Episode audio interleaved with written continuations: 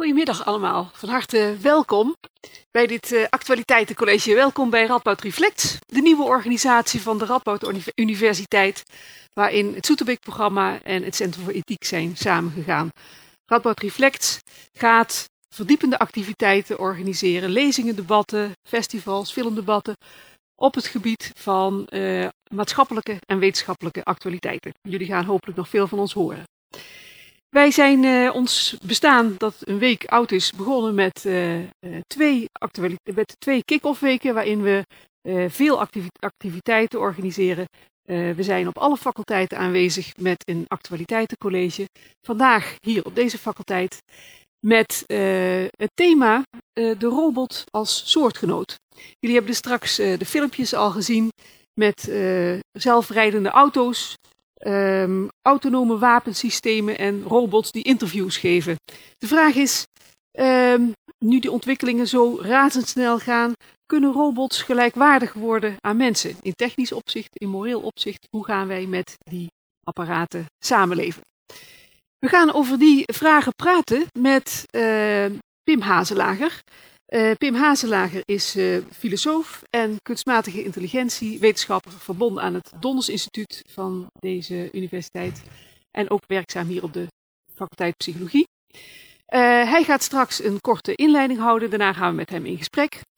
Maar eerst gaan wij luisteren naar onze columnist Peter van der Heijden. Peter is politicoloog en parlementair historicus en hij gaat ons vertellen hoe wij tegen robots aan moeten kijken. Peter. Dames en heren, dit zou in mijn ogen een verdomd kort actualiteitencollege kunnen zijn.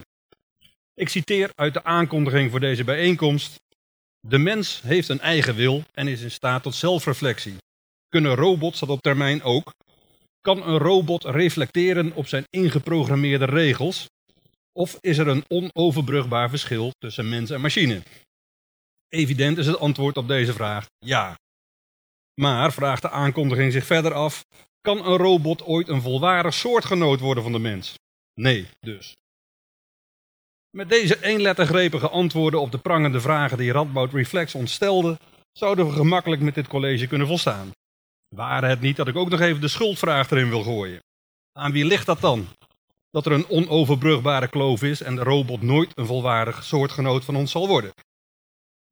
Dat ligt dus niet aan de robot, die ons niveau niet zou kunnen halen, maar aan de mens. En niet omdat de mens de schepper zou zijn van een niet volmaakte robot. We beginnen er in het Westen net een beetje van af te raken om de schepper overal de schuld van te geven. Maar omdat de mens het niveau van een beetje robot niet meer haalt. Het gaat al mis met de bewering dat de mens in staat is tot zelfreflectie. De mens, zelfreflectie, in staat. Ja, in staat wellicht, maar dan net zoals mijn auto volgens de teller in staat moet zijn om 220 km per uur te rijden. Onder optimale omstandigheden misschien. Met de wind mee van een bescheiden helling en op een weg die kilometers lang rechtdoor gaat. Maar theoretisch kan die het. Dat hij in de praktijk begint te piepen en kreunen rond de 140, doet aan die potentie weinig af. Mijn auto haalt het niet, maar potentieel haalt de auto de 220. Er zijn zelfs auto's die nog veel sneller kunnen. En zo zijn er vast ook heel veel mensen die prima kunnen reflecteren zou anders een trieste boel worden voor het voormalige Soeterbeek-programma en het even voormalige Centrum voor Ethiek, dat zich juist in de nieuwe naam Radboud Reflects ten doel stelt om te reflecteren. Ik schat zo in dat wij, zoals we hier met z'n allen zitten, toch wel tot de top zelfreflectors van deze wereld, in ieder geval van Nederland of op zijn minst van Nijmegen behoren. Maar verder zie ik het vermogen tot zelfreflectie toch wel akelig afnemen de laatste tijd. Uiteraard kan dat aan mij liggen, en hopelijk doet het dat ook. Ik heb het afgelopen jaar wat veel vrije tijd gehad door allerlei samenlopen van omstandigheden. En dat heeft me in de gelegenheid gesteld diepgravend onderzoek te, doen naar de zelfreflectie, of überhaupt het vermogen tot reflectie en tot nadenken van de gemiddelde internetblogbezoeker. En ik werd daar niet vrolijk van. Een vrolijkheid die ook nog in rap tempo afneemt de afgelopen weken en dagen. Zo is het op een toenemend aantal websites bon ton om niet over vluchtelingen te spreken, maar alleen nog over gelukzoekers. Tja, ik kan me best voorstellen dat het als een groot geluk voelt als je een oorlogsgebied kunt ontvluchten en dat je weg bent voordat je onthoofd of verkracht bent door een wilde horde rebellen. In die zin zijn het inderdaad gelukzoekers die kosten wat kosten Europa willen bereiken. Een geluk dat ik persoonlijk iedereen gun. Probeer je eens voor te stellen, heel even maar, wat het betekent om in een gebied of als Irak of Syrië te moeten wonen nu. Probeer je voor te stellen wat er aan de hand is als je, wetende dat een fors deel van de bootjes het niet haalt, toch de gammele oversteek waagt. Reflecteer daar eens op. Maar er is een groep mensen die zodanig is afgestompt door anderhalf decennium populisme, dat hij niet meer in staat is tot reflectie, maar enkel nog uit een reflex reageert. Die de grootste humanitaire ramp sinds decennia aan de poorten van Europa ziet voltrekken, maar slechts de beweegredenen van de vluchtelingen in twijfel trekt en vooral de Europese poort zo diep mogelijk in het slot wil gooien. Zo hard, zo afgestompt, zo gevoelloos. Nee, dat is volgens mij zelfs een robot niet. Dank u wel.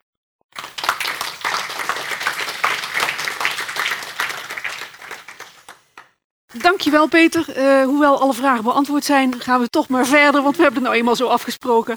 Ga je gang, Pim Haaslager. Uh, nou, ik ben het wel eens hoor met uh, korte antwoorden. Maar ik ga proberen uit te leggen waarom. Dat duurt altijd het langst, het waarom. Ja, de robot als soortgenoot. Kijk, er zijn ontzettend veel verschillen natuurlijk tussen robots en mensen. Welke doen er nou meer toe en welke doen er nou minder toe als het gaat om soortgenoot? En uh, ik ga het er over eentje hebben, namelijk uh, autonomie. Om daarin, denk ik, wat, hopelijk wat helderheid te brengen en een aantal verwarringen die misschien bestaan in de terminologie en het gebruiken van hè, autonome robots, om die wat uh, op te helderen. Dat is even het streven voor dit college. Het is een actualiteitencollege, dus ik dacht, ik doe er een actualiteitje in. Dit is zaterdag 5 september, afgelopen zaterdag. Actuele kon ik het niet maken. Waarin een uh, collega van mij uit Twente zegt: robots zijn er en er komen er meer. Nou, geen onverstandige predicties, denk ik. Maar vooral dit citaat trof mij wel. Ik denk dat er een nieuwe categorie medebewoners bij zal komen: robots. Medebewoners. Dus als dan een robot naar mij toe komt en zegt: zeg, schuif eens een stukje op, dat ik dan zeg: ja, natuurlijk joh. Dat, dat trof mij wel. Uh, ik vraag me eigenlijk af of dat echt waar is. En ik inderdaad zal proberen uit te leggen waarom. Eerst eens even wat voorbeelden van autonome robots zoals die in de kunstmatige intelligentie voorkomen. Dat zijn hele standaard termen. Eigenlijk ook in het dagelijks leven. Hier, dit is een of andere website, ik geloof Alibaba. Ik weet niet of u het kunt lezen, maar dit is startpagina, reinigingsapparatuur, stofzuigers, autonome stofzuigers. Die kun je dus kopen op internet. Die rubriek is volledig ingeburgerd. Niemand zal opstaan en zeggen: autonome stofzuigers, doe even serieus. Nee, die zijn er en die kun je kopen in alle soorten en maten. Uh, in de agrarische sector wordt natuurlijk veel onderzoek gedaan naar robots. En daar hebben ze het dan over van autonome robots tot zilte aardappels. Ook weer iets waar geen uh, uh, opdrachtgever heel erg van schrikt. Nee, natuurlijk, we gaan autonome robots gebruiken. En daar wordt de bio-industrie waarschijnlijk beter voor van. Autonome robots ondersteunen hulpverleners bij rampen. Ik heb zelf een student begeleid die bij TNO in uh, Soesterberg in Delft heeft gewerkt aan een project over Human Robot Rescue Teams. Dus dan moeten robots en mensen na een aardbeving samen gaan werken. Er moet er informatie verdeeld worden en hij had een heel programma geschreven om dat dan uh, te faciliteren. Alweer autonome robots, geen enkel probleem. Tesla's Autonomous Car en de Google Car auto's die zelfstandig, geheel autonoom rijden en dergelijke. Geen enkel probleem. Uh, in de seksindustrie. Sex dolls that talk back. Films zoals Ex Machina, waarin de robot eigenlijk van een erotisch uh, uitnodigende dame verandert in iemand die je gewoon koelbloedig in de steek laat en achter glas uh, opgesloten achterlaat. En het zijn op dit soort momenten dat je soms even moet denken, autonomie, autonomie, uh, waar hebben we het nou eigenlijk over? Op het moment dat ik in mijn Tesla autonome auto stap en ik roep naar het café. En de auto zegt tegen mij, nee, fitness vanavond. Dan, toch? Dan, dan, dat, ja, maar dat is wel autonomie. Als mijn net aangeschafte sekspop en ik sta daar met mijn net uitgepakte zweepje uit het Fifty Shades of Grey Do-It-Yourself Starters Kit. En ze pakt dat ding af en ze zegt van wij gaan de rolletjes eens even lekker omdraaien. Pet! Dan, dan is er met autonomie misschien wel iets anders aan de hand dan wat we hier proberen te bedoelen met autonomie. Toch? Ik geloof niet dat iemand zo'n auto wil. Of zo'n seksrobot. Laat staan met autonoom dodende robots. Daar is op dit moment heel veel aandacht voor natuurlijk. Hè, de killer robots. Op dit moment zit er bij drones en dergelijke nog steeds een mens in de loop. Maar er wordt al over gesproken dat de vertraging van die mens in de loop eigenlijk te groot is. En dat we dus toe moeten, en eigenlijk onafwendbaar gaan, naar robots die zelf besluiten welke doelwitten ze selecteren en zelf besluiten om te schieten. Om ze uit te schakelen, zoals dat dan zo mooi eufemistisch heet. Maar als ze zelf gaan bepalen wie ze willen hebben, dan kan ik die robots mooi klaarzetten en zeggen van nou, zet hem op hè, pak ze. En dan zegt die robot, ja ik heb jou eigenlijk nooit gemogen, knal. Dan ben ik de klos. Waar eindigt dat? Nou ja, hier natuurlijk. En dat is denk ik typerend voor de verwarring over het begrip autonomie, als we spreken over autonome robots. Als uh, wetenschappers, kunstmatige intelligentie-experts praten over autonomie, bedoelen ze eigenlijk iets heel anders dan als wij mensen praten over autonomie. En dat zit precies op dat snijvlak dat ik net met een paar voorbeelden proberen aan te geven. Dus laten we eens even kijken bij uh, autonomie. Hè, het soort van autonomie dat je hier ziet. Ik weet niet of je het kunt zien. Er is daar een, uh, een slagboom. Want daar mag je niet langs om de een of andere reden. En mensen trekken zich daar gewoon niks van aan. Die rijden dan wel eventjes omheen. Maar dat weggetje gaan ze wel gebruiken. Dat is autonomie. Je kunt mij dingen voorschrijven. Maar ik bepaal zelf wel wat ik doe. Dus dat is autonomie bij mensen. Hè?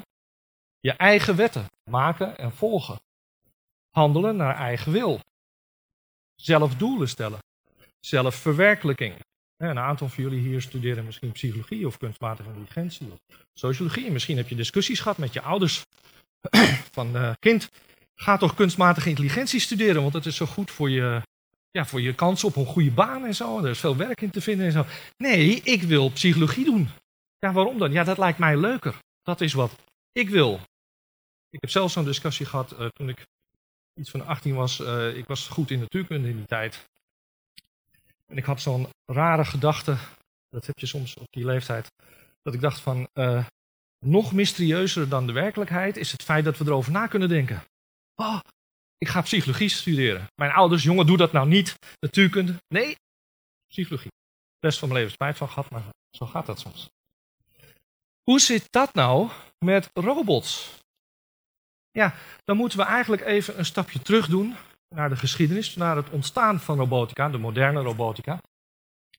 En dat is eigenlijk begonnen in de jaren 40, 50 met teleoperation. Op afstand handelen. Dus je had bepaalde omgevingen die heel onveilig waren, bijvoorbeeld omdat het ontzettend heet was. En dan stond een persoon op een afstand, u ziet hier schematisch die persoon, bepaalde handelingen uit te voeren met een werktuig. Dat was verbonden via een ingenieus systeem met het feitelijke werktuig, zeg even een hamer, in die enorme hitte. En dan begon hij te hameren. En dan werd die handeling steeds vertaald naar de uitvoering in die uh, onveilige situatie voor een mens. Dat is teleoperatie, telehandelen.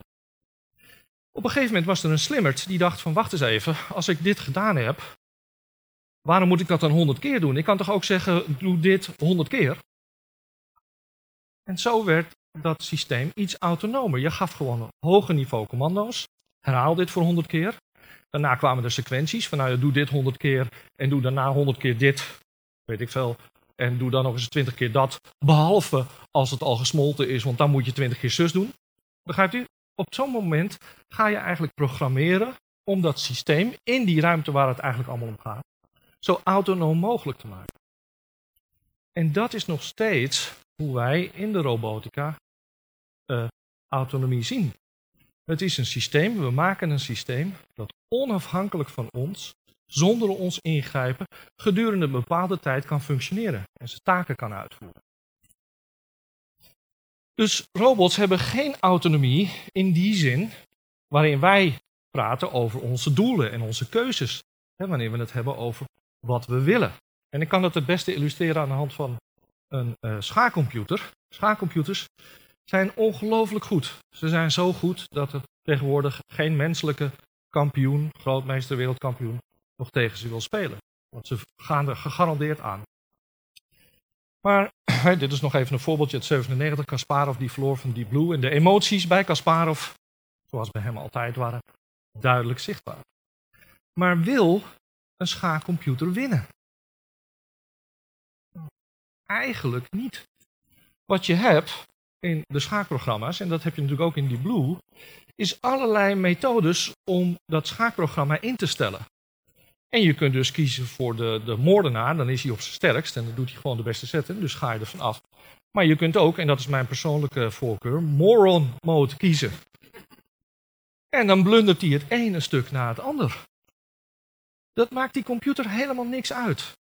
Voor hem betekent dat gewoon hetzelfde. Hij volgt een bepaalde functie met bepaalde parameters en dat is dan wat hij wil. Een schaakcomputer kan eigenlijk niet schaken in die zin dat hij niet weet wat winnen of verliezen is. En dat is een cruciaal onderscheid met ons. Ik schaak om te winnen. Of om in ieder geval die pijn te voelen dat ik misschien ga verliezen. En dan mijn uiterste best te doen om me te verzetten en zoiets. Elk levend wezen, dieren, mensen, willen leven, willen doorgaan, willen overleven, willen winnen op een bepaalde manier ten opzichte van hun omstandigheden. Computers en robots niet. Wat dat betreft zijn de, de meest complexe robots nog steeds als ijskasten. Het interesseert ze allemaal helemaal geen bied.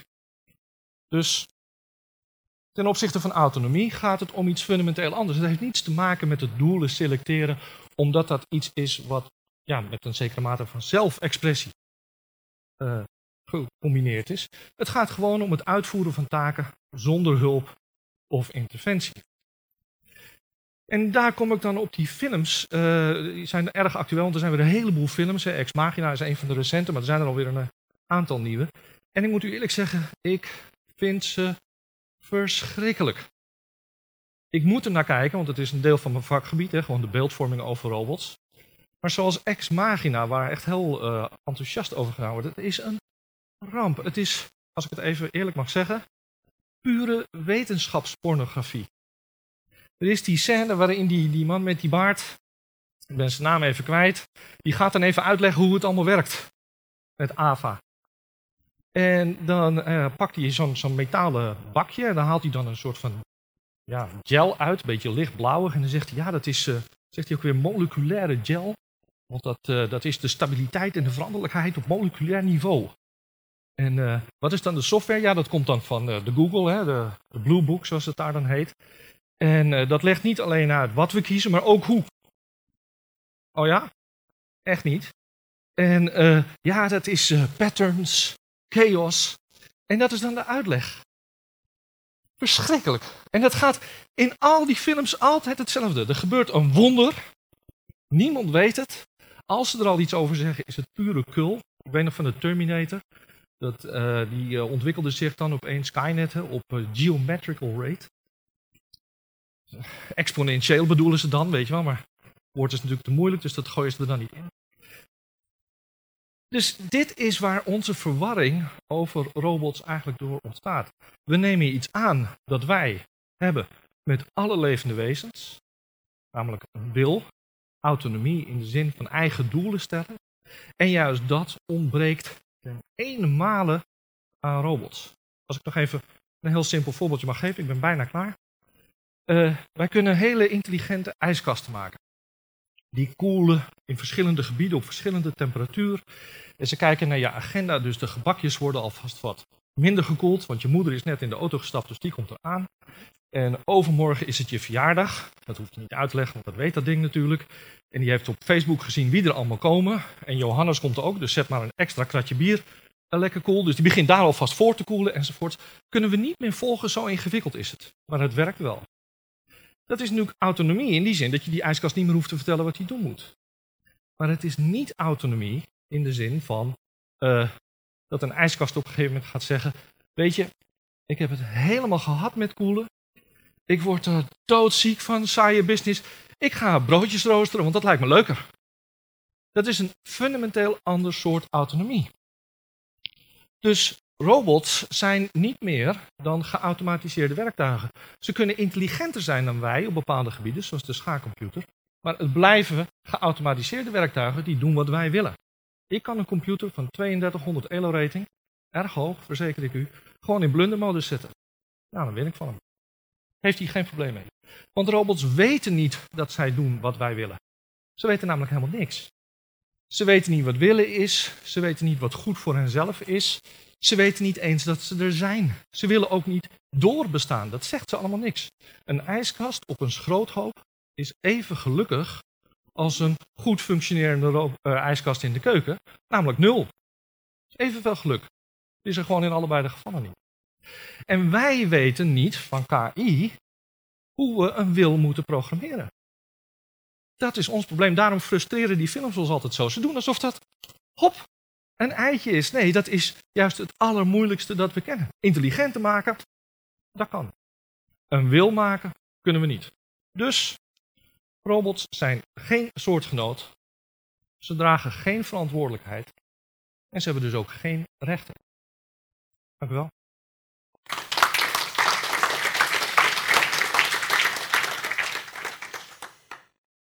Dankjewel, Pim. Ehm, een paar uh, hele heldere onderscheiden heb je meteen gemaakt. In die zin uh, is de belangrijkste vraag wel opgelost. Dat wist Peter al. Dus mensen ja. en robots, dat Goed, wordt hoor. nooit hetzelfde. Ja. Um, twee fundamentele verschillen, Pim. Je zegt, um, uh, wij willen een heleboel, de robot wil niks. Wij hebben een bewustzijn. Dat heb je, het woord heb je niet genoemd, maar daar komt het eigenlijk op neer. De robot heeft geen bewustzijn. Ja, ik weet niet of bewustzijn, de, de, zeker bij mensen heeft dat natuurlijk heel veel met elkaar te maken. Maar mm -hmm. ik denk bijvoorbeeld dat eencelligen, de E. coli of zoiets, uh, die hebben ook al een soort van wil, een overlevingsdrang, een life urge, zoals Damasio zegt. En ik weet toch niet zeker of ik die bewustzijn zou willen toeschrijven. Dus dat is toch nog iets anders. Er is iets in biologische systemen dat ze drijft en dat de omgeving voor hen meteen differentieert in goed en slecht, namelijk voor hun overleven, voedsel of gif.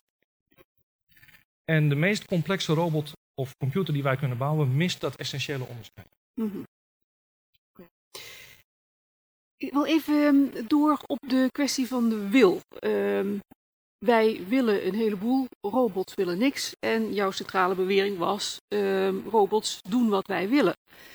Nou is denk ik de kwestie rondom die autonome robots, uh, en in ieder geval de angstbeelden die daar rondomheen bestaan, de vraag, doen die robots wel wat wij willen? Zijn wij niet robots aan het programmeren die dingen gaan doen die wij niet helemaal kunnen voorzien. Ja, dat kan natuurlijk. Hè, uh, laten we eens even naar het voorbeeld van die auto's kijken. We zagen die Google auto, die Google auto rondrijden.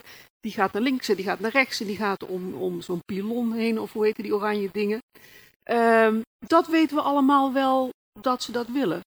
Maar ik denk bij al die um, uh, ver doorgedachte apparaten komen, komen de momenten dat ze dingen moeten doen die wij niet meer weten. Die auto die, die rijdt daar over straat en uh, rechts staat een kleine peuter de verkeerde kant op te kijken en links komt er een auto op hem afgereden. Ja. Wat gaat hij doen? Uh, Nou hij, zal, je- hij zal iemand dood gaan maken. Wie? Nou ja, goed, goed geprogrammeerde auto's trappen dan gewoon op hun rem. In plaats van naar links of naar rechts uit eh, te wijken. Ja, maar daar is maar dan ik te snap, laat ik snap het voorbeeld. Ik snap het voorbeeld. Maar eh, kijk, ehm, er is een verschil tussen eigen doelen hebben en onvoorspelbaar zijn. En bij complexe machines, en dat geldt ook al voor schakelprogramma's natuurlijk, kun je niet meer voorspellen wat ze gaan doen. De programmeur kan niet voorspellen welke zetten de computer produceert. Dat is natuurlijk in de aard der zaak, omdat die berekeningen die de computer uitvoert zo snel gaan dat die vele malen voor ligt op de programmeur. Net zo in verkeerssituaties kunnen er situaties ontstaan die je als programmeur en als ontwerper onmogelijk van tevoren kunt uitdenken. Je kunt niet alle mogelijke situaties bedenken, want daar is de wereld te complex voor. Dat heeft verder niks met die robot te maken. Die complexiteit en die dynamiek zit in de omgeving. En hoe kun je dan volhouden dat het apparaat gaat doen wat wij willen? Nou, het apparaat zal doen wat wij ingeprogrammeerd hebben. En dat laat dus zien wat wij blijkbaar denken te willen. Maar er zit soms een groot verschil tussen wat wij denken te willen en datgene wat we fabriceren. Ja, dus de, En dat geldt ook voor onze eigen handelingen. Ik doe wel eens dingen met een heel, gelooft u mij, een heel goed idee. En er zijn er toch allerlei mensen ontzettend ongelukkig mee. En achteraf denk ik dan misschien, ja, dat was niet handig. Maar, en dat is het cruciale verschil waar, ik denk, waar het hier denk ik om gaat. Er gebeuren dus nare dingen, verschrikkelijke dingen. Niet omdat die robots opeens besloten hebben dat dat is wat ze willen. Hè? Een soort van zelfverwerkeling. Mensen doodmaken en zo. Nee, dat is omdat wij dan slecht geprogrammeerd worden. Slecht geprogrammeerd Ja, werden. of doorgedacht hebben wat de mogelijke situaties zouden kunnen zijn. Onvoldoende noodscenario's bedacht hebben en oplossingen daarvoor en zo. Dus dan zijn we ja, slecht bezig geweest als programmeurs. Die verantwoordelijkheid ligt bij ons, Ja. niet bij de robot. En zou je niet kunnen zeggen dat er voor al dit soort ingewikkelde dingen als wapensystemen of auto's, dat er per se altijd situaties zullen zijn die wij niet kunnen voorzien? Ja, dat denk ik wel. En daar maak ik me dus ook zorgen over. Ja. Kijk, ik maak me niet zorgen over de Terminator. Want we weten echt niet hoe, die, hoe we die moeten maken. En die komt er heus niet vanzelf. Dat is niet, oh, we zetten hem even aan en zo. Je kunt wel slimmere machines maken, die dan slimme machines gaan maken. Maar dat leidt niet tot het creëren van een wil. Dat is echt een fundamenteel ander iets. Ik ben heel erg bang voor ondeskundig gebruik van robots in de dagelijkse omgeving. Ik maak me bijvoorbeeld heel veel zorgen over het feit dat er binnenkort in het dagelijks leven allemaal robots gekocht zullen gaan worden. Mhm.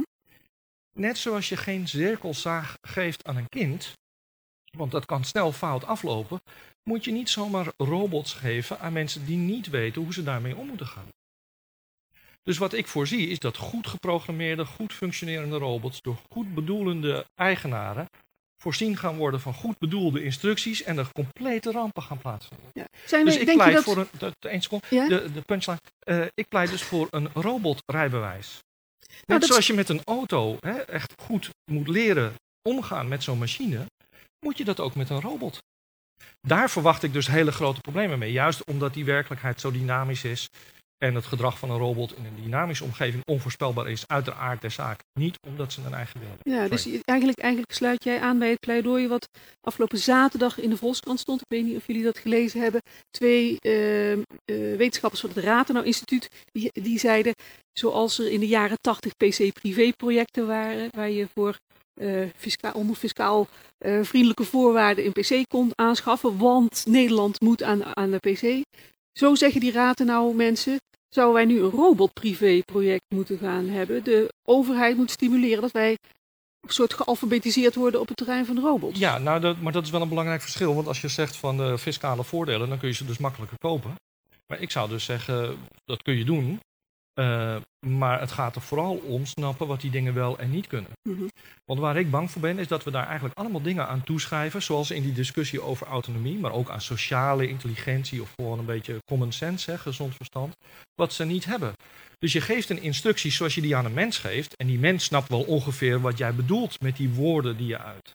Maar een robot is daar stukken slechter in. En dat zal hier voorlopig nog wel even blijven. Dat is een ander verschil waar ik het nu niet over gehad heb. Ze missen veel common sense.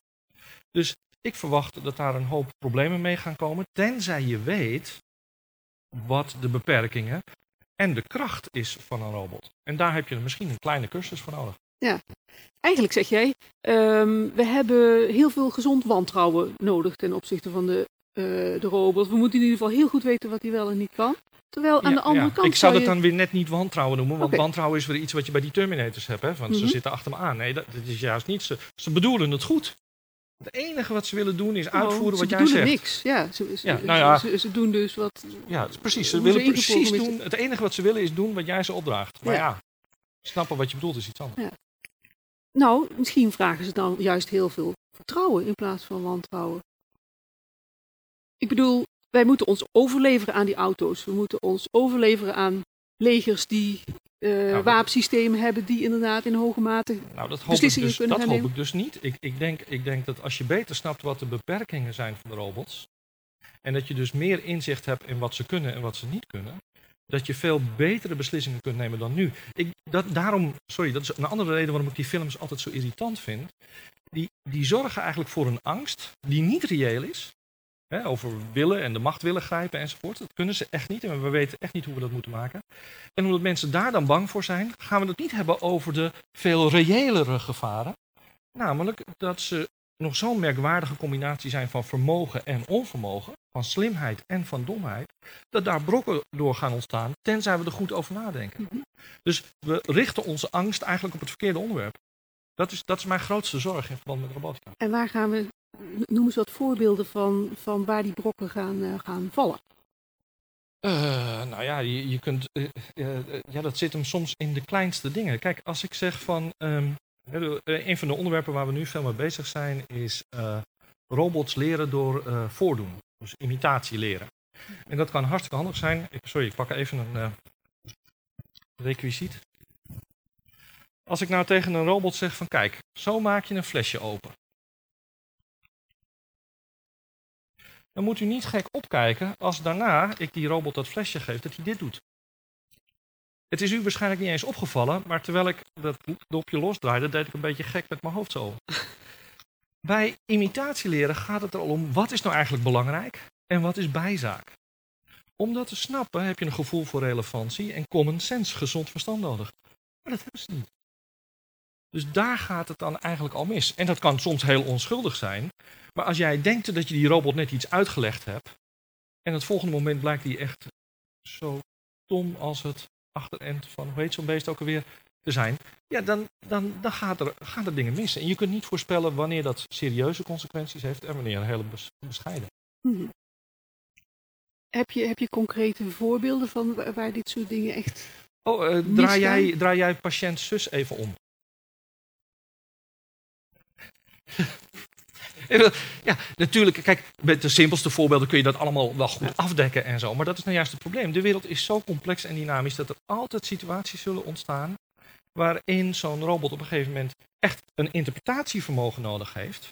om, dat goede, om de goede interpretatie te vinden. Dat noemen we nu uh, tegenwoordig situation awareness. Weer een mooi nieuw uh, term. Dus wat is er nu eigenlijk aan de hand in de situatie? Dus er komt er iemand binnenlopen, die zit hier, die denkt, oh, er staan twee mensen te praten en u bent aan het luisteren, enzovoort. Dat vermogen om in een fractie van een seconde te begrijpen wat er aan de hand is in een situatie, is ontzettend moeilijk voor robots. En zolang ze dat niet hebben, kan er in principe eigenlijk de meest banale dingen kunnen fout gaan. Ja. Eigenlijk staan we aan het begin. Ja, we staan aan het begin. En kijk, gelukkig, op dit moment hebben we geen robots, dus we geloven nu al die films. Eh, de, de NAO kost tegenwoordig 5000 euro, dus geef dat nog een paar jaar en dan kun je hem kopen voor de prijs van een iPad of een kleurentv. En dan zijn ze 600 euro of zoiets. Nou, op dat moment gaat er gebeuren precies wat er met computers gebeurde in de jaren 80. In het begin had niemand er één en begin jaren 90 hadden we er allemaal één of twee. Zo'n omschakeling verwachten wij ook op het gebied van robots. Maar als iedereen die robots heeft, dan pas gaan ze ontdekken hoe dom die dingen eigenlijk zijn. En dan denk ik dat er ook wat meer aandacht komt al proefondervindelijk. Dus dan gaan dan allerlei dingen mis. En dan komen we erachter, hé, hey, wacht eens eventjes. Daar moet je echt even over nadenken hoe je een robot gaat gebruiken. Wat je hem wel en niet kunt laten doen. Wanneer je wel weg kunt lopen en wanneer niet. Dus een van de projecten die we hier doen op de Radboud, waar ik zelf bij betrokken ben, is een robot onzeker gedrag laten vertonen. Hm. Kijk, het is één ding om uh, voor een robot om een tafel af te ruimen als er niemand is. Dat kan hij wel. En als er twee volwassenen in de kamer zijn, kan hij het waarschijnlijk ook wel. Maar als er net een kinderfeestje aan de gang is met twintig van die. Uh, en er is een, hond bij en zo, dan kan hij het misschien wel niet. Dus wat hij moet doen, is aangeven, gewoon door, door bijvoorbeeld onzeker gedrag, een beetje trillen. Of, of hulp uh, solliciteren door aan te kijken en te aarzelen. Zo van, moet ik dit nou doen of niet? Uh, waardoor mensen gealerteerd worden op dat de robot de grens van zijn vermogens eigenlijk. En daar zijn we nu mee bezig, juist om te anticiperen op alledaagse ongelukjes. Eigenlijk uh, een soort informele interactie tot stand brengen. Ja, zo menselijk mogelijk, want er zijn mensen goed op ingesteld, dus dat herkennen ze snel. Tenminste, dat is het idee. Wie van jullie wil zich um, mengen in het gesprek? Heeft een vraag of een opmerking voor Pim? Balbakker. Ik vraag me af in hoeverre jouw verhaal uh, uitgaat van een heel optimistische opvatting over de vrije wil. Ah, Als je nou veronderstelt dat ik een keiharde determinist ben, die ervan uitgaat dat er helemaal geen vrije wil is, en dat dat allemaal een soort bijverschijnsel is van mijn uh, fysieke make-up, allemaal voorgeprogrammeerd, evolutionair vastgelegd. In hoeverre houdt jouw verhaal over het onderscheid en nou, zeg maar, al die negatieve conclusies die je daar trekt, in hoeverre houdt dat dan op stand? Ja, Nee, dat is een hele goede vraag. Uh, ik ben geen keiharde determinist, maar ik ben zeker... Gedachte-experiment. Ja, dat begrijp ik. Ik ben, ik ben ook geen dualist, dus ik geloof wel dat uiteindelijk ook een wil, gewoon wetenschappelijk begrepen, moet kunnen worden en dus ooit ook geïmplementeerd kan worden in een robot. Anders zou het een mysterie zijn, daar geloof ik niet in. Maar ik denk dat er wel een fundamenteel verschil bestaat, nog op dit moment, tussen, zal maar zeggen, die, die, die zelfbeschikkingsinstellingen en capaciteit die wij hebben, die we nu een wil noemen, En ik wil niet beweren per se dat die vrij is. Hangt er dan weer helemaal vanaf wat je met vrij bedoelt. Dus daar wil ik nu even niet naartoe gaan. Maar ik constateer gewoon dat wij bepaalde manieren hebben om ons eigen gedrag te sturen. En richting te geven van onszelf uit. Die bij robots nog niet aanwezig zijn. Dus pas als wij goed begrijpen waar die zelfdeterminatie en zelfbeschikking en dergelijke, oh, onze autonomie vandaan komt, en we kunnen implementeren in een robot, dan gaan we met fundamenteel andersoortige robots interacteren. Maar op dit moment is dat nog niet het geval. Je spreekt nu in tijdscategorieën, hè? dus je zegt van, we kunnen dat nog niet en we weten dat nog niet. Dus dat betekent in feite dat je niet meer over een principieel onderscheid praat, maar over een gradueel onderscheid of over een tempo. Nou, het, het, kijk, het ene, uh, het is in die zin principieel dat qua intelligentie weten we op een heleboel gebieden hoe we dat moeten implementeren en aanpakken.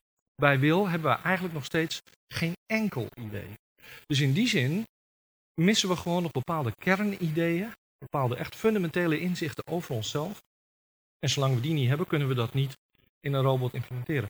Daarom ben ik ook niet zo bang voor singularity theories. Het idee dat in 2045 een superintelligentie gaat ontstaan die ons dan gaat onderwerpen en zo.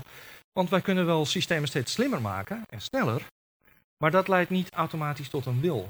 Dus daarom denk ik dat dat wel een principieel verschil is.